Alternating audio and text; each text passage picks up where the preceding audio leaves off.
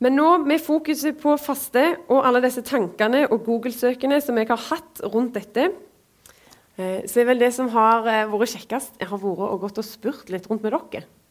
Ja, ja. Faster dere for noe, da? Eh, det er jo faste. Har dere fasta før? Spør dere litt om det. For sjøl har jeg ofte veldig sånn noen år nokså store tanker om hva denne fasten skal innebære. Eh, veldig ofte så blir de store tankene mine mindre og mindre og mindre ut i fasteperioden. Eller så starter jeg med veldig små tanker og prøver å holde det ut. Og mest for å liksom se om det funker. da. Jeg er liksom litt sånn nysgjerrig. Så bare, ja, Kanskje det er noen ekstra velsignelser å fange her eller et eller annet. Kanskje det er noen benefits. Eh, har litt lyst til å teste det. Og så snakket jeg med noen eh, av dere elever her i uka, og så spurte jeg om dere fasta fra noe, eller hadde tenkt å faste fra noe. Og da fikk jeg et svar som Ja, som på en måte er veldig inspirerende, og som oppmuntra meg veldig, da. Det var cirka fritt, eh, fritt etter minne. Så hvis du er her og kjenner det igjen, og det er ikke helt rett, så beklager jeg. Men det var ca. dette jeg oppfatta. Nei, jeg tror ikke jeg faster fra noe i år. Men jeg har tenkt eh, mer egentlig at jeg skal faste til. Og snu det litt, liksom. Altså at omprioritere sånn at jeg får brukt mer tid på Gud i fastetida. Og det syns jeg var en nydelig perspektiv. Jeg blir liksom sittende med sånn Ja, nettopp. For disse store tankene som jeg ofte har rundt det med faste, og at nå skal jeg, nå skal jeg fange noe stort åndelig, et eller annet, og gjøre noe som skikkelig ekstravagante greier, så minner dette her meg på at det er jo ikke det det handler om. Kanskje mest. Etter noen Google-søk rundt omkring sant, denne uka, så kom jeg fram til noe på bibelen.no som skrev litt om dette. Eh, og Der er det en liten setning da, som oppsummerer litt av det som står. Fasten er nemlig ikke så mye et spørsmål om å spise eller å ikke spise, men om å rette oppmerksomheten mot Gud. Rette oppmerksomheten mot Gud. Faste til Gud, på en måte. Ikke nødvendigvis faste fra. Så der, hvis du kjente igjen kvoten din eller sitatet ditt, så hadde du innflytelse på meg den dagen. Teksten som vi møter Jesus i i dag, eh, er henta fra Matteusevangeliet kapittel 4, vers 1-11. Vi kan lese det. Jesus ble så av ånden ført ut i ødemarken for å bli fristet av djevelen. Han fastet i 40 dager og 40 netter og ble til sist sulten. Da kom fristeren til ham og sa, er du Guds sønn, så si at disse steinene skal bli til brød. Jesus svarte, det står skrevet, mennesket lever ikke av brød alene, men av hvert ord som kommer ut fra Guds munn. Da tok djevelen ham med til den hellige byen, stilte ham ytterst på tempelmurene og sa, Er du Guds sønn, så kast deg ned herfra, for det står skrevet, Han skal gi sine engler befaling om deg, og de skal bære deg på hendene så du ikke støter foten mot noen stein. Men Jesus sa til ham, det står også skrevet, du skal ikke sette Herren din Gud på prøve. Så tok djevelen ham med opp på et meget høyt fjell og viste ham alle verdens riker og deres herlighet, og sa, Alt dette vil jeg gi deg dersom du faller ned og tilber meg. Da sa Jesus til ham, Bort fra meg, Satan, for det står skrevet, Herren din Gud skal du tilbe, og ham alene skal du tjene. Da forlot djevelen ham, og se, engler kom og tjente ham. Før vi går inn i teksten, så skal vi se på det som skjer rett før. For det syns jeg er veldig fascinerende og nokså irriterende. Eller ikke det som skjer før, men på en måte veien inn i det neste. I kapittelet før eh, så blir Jesus døypt. Helt i slutten. Eh, Matteus 3 vers 16 og 17, tror jeg det, hvis jeg ikke husker helt feil. Ja, da er der, eller Det er et større avsnitt, men i vers 16 og 17 så kommer liksom reaksjonen av at Jesus blir døpt av døperen Johannes. Da Jesus var blitt døpt, steg han straks opp av vannet, og se, himmelen åpnet seg, og han så Guds ånd komme ned over seg som en due. Og det lød en røst fra himmelen. Dette er min sønn, den elskede. I ham har jeg min glede.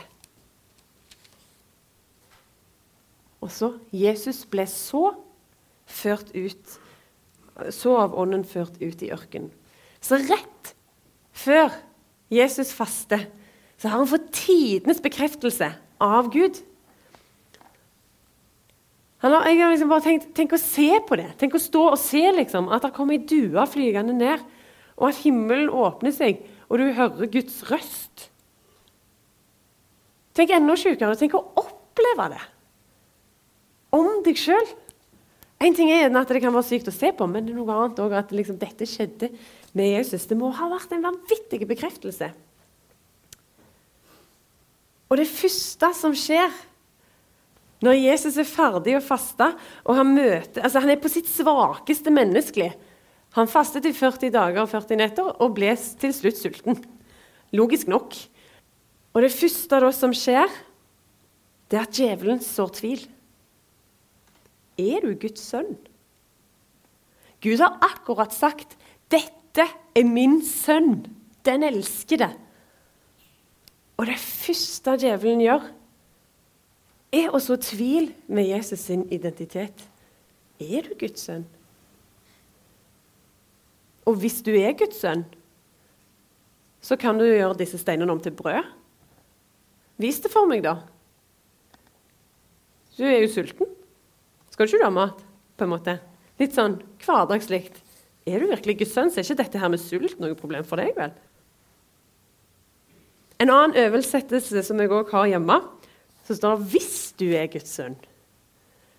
Det liksom kommer enda mer sånn at liksom djevelen bare mm, 'Hva syns du egentlig om deg sjøl?' Hvis du er Guds sønn. Jesus lar seg ikke friste. Han svarer jo ganske godt. Mennesket lever ikke bare av brød alene, men av alt det som Gud sier, eller hele Guds ord. Alt det som kommer ut av Guds munn. Allikevel så er det irriterende, og det er typisk, for jeg kjenner det igjen. Jeg kjenner igjen taktikken til djevelen. Er det virkelig sånn? Er du egentlig god nok? Er det så viktig med disse prioriteringene dine, Heidrun? Er det godt nok å ha små prioriteringer, eller? Sant? Det kan være så mye. Det kan være all slags løye. På ulike områder i livet.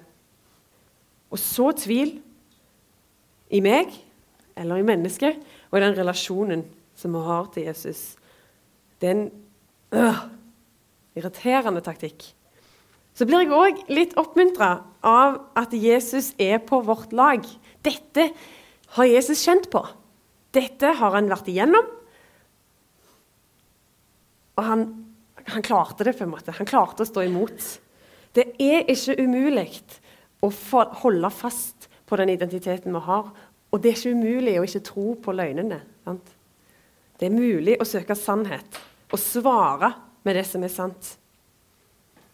Han har kjent på det på sitt svakeste og kan igjen bekrefte egentlig det som er mitt behov. da.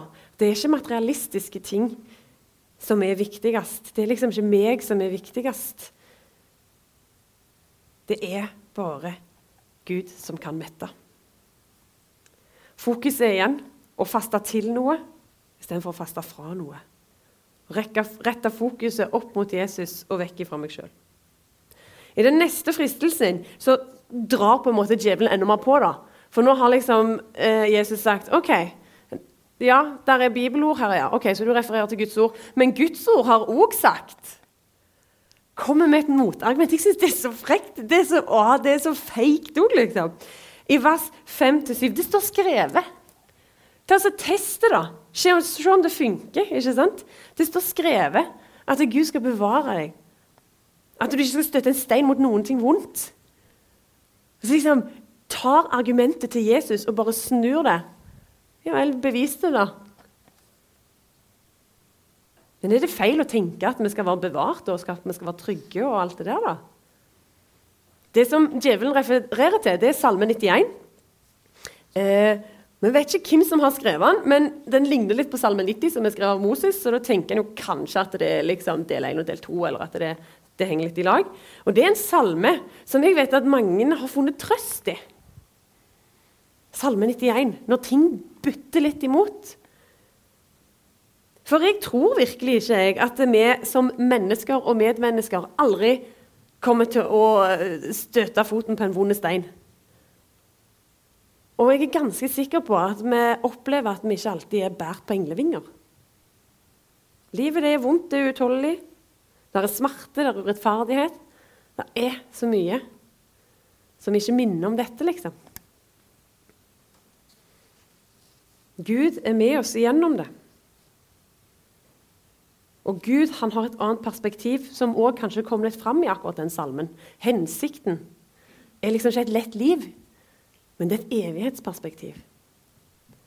De som jeg kjenner som har funnet trøst i den salmen, de har ofte tatt fram at nå er det dritt, men evigheten blir bra. Eksempel. Da er det ganske mørkt. Når det liksom Det blir bra en gang. Det blir fullkomment en annen gang. Trøstende ord kan gjelde for livet. Det kan hjelpe oss å komme gjennom. Og trøstende ord kan òg oppmuntre oss eller glede oss, gi oss trøst til at det er en fullkommen verden i vente. Et evighetsperspektiv. Der er det ikke harde steiner. Der tror jeg steinene er lagd av sånn som kjennes mykt, men ser hardt ut. F.eks. Hvem vet? Du skal ikke sette Herren din Gud på prøve. Eller som jeg sier til meg sjøl, da når jeg får disse her litt ulogiske tankene. Jeg må ikke sette mitt eget ego så høyt at det ikke er plass til Guds ord, hensikten, meningen. Ikke sikkert at det gir like mye mening for deg, men det er noe med den Hvorfor skulle Jesus liksom kaste seg ut bare for å sjekke om det var engler? Hva er hensikten med det? Ja. Hvorfor ikke istedenfor å sjekke om englene virker, hvorfor ikke rydde plass til disse hverdagsenglene? Så kommer siste fristelsen, og den har to streker under svaret. Djevelen prøver å selge et produkt med høyere pris enn det den egentlig har verdi til. Hvis du tilber meg, Jesus, så skal du få hele verden, alt dette med alt dets herlighet. Hele liksom, eh, en sikker, og masse flotte regnskoger og eh, nydelige fjelltopper i både Sveits og sikkert i Norge. Jeg vet ikke helt hvordan det så ut i verden akkurat da. Men alt dette så Jesus. Og så sier djevelen hvis du bare tilber meg, så skal du få alt dette. Høres kanskje fint ut. Men Jesus sitt svar er bare sånn der Ikke prøv deg å selge noe til en høyere pris enn det det er verdt. På én måte, kanskje. Jeg fikk iallfall det litt for meg når jeg leste det nå. Svaret det ransaker meg og mine holdninger til tingene mine. Herren din Gud skal du tilbe, og ham alene skal du tjene. Djevelen får ikke solgt det produktet, for Jesus vet verdien av det å være trofast til Gud. Jesus vet at det som djevelen kan gi, det, det er kortvarig. Det gir ikke fullkommen det, det, er liksom, det er ikke en utømmelig kilde. sant? Det er sånn, dette, dette er tomt. Du blir lei. Jeg vil fort ha mer av det jeg allerede har mye av. ikke sant? Jesus vet at denne verdien er, det koster for mye da, i forhold til det det er verdt. Gud har så mye mer for oss enn det denne verden kan tilby. Og det er lett å glemme, for min del, at det kun er Gud som kan møte meg og mette meg og fylle mine behov som menneske. Sånn helt på det, på det store planet.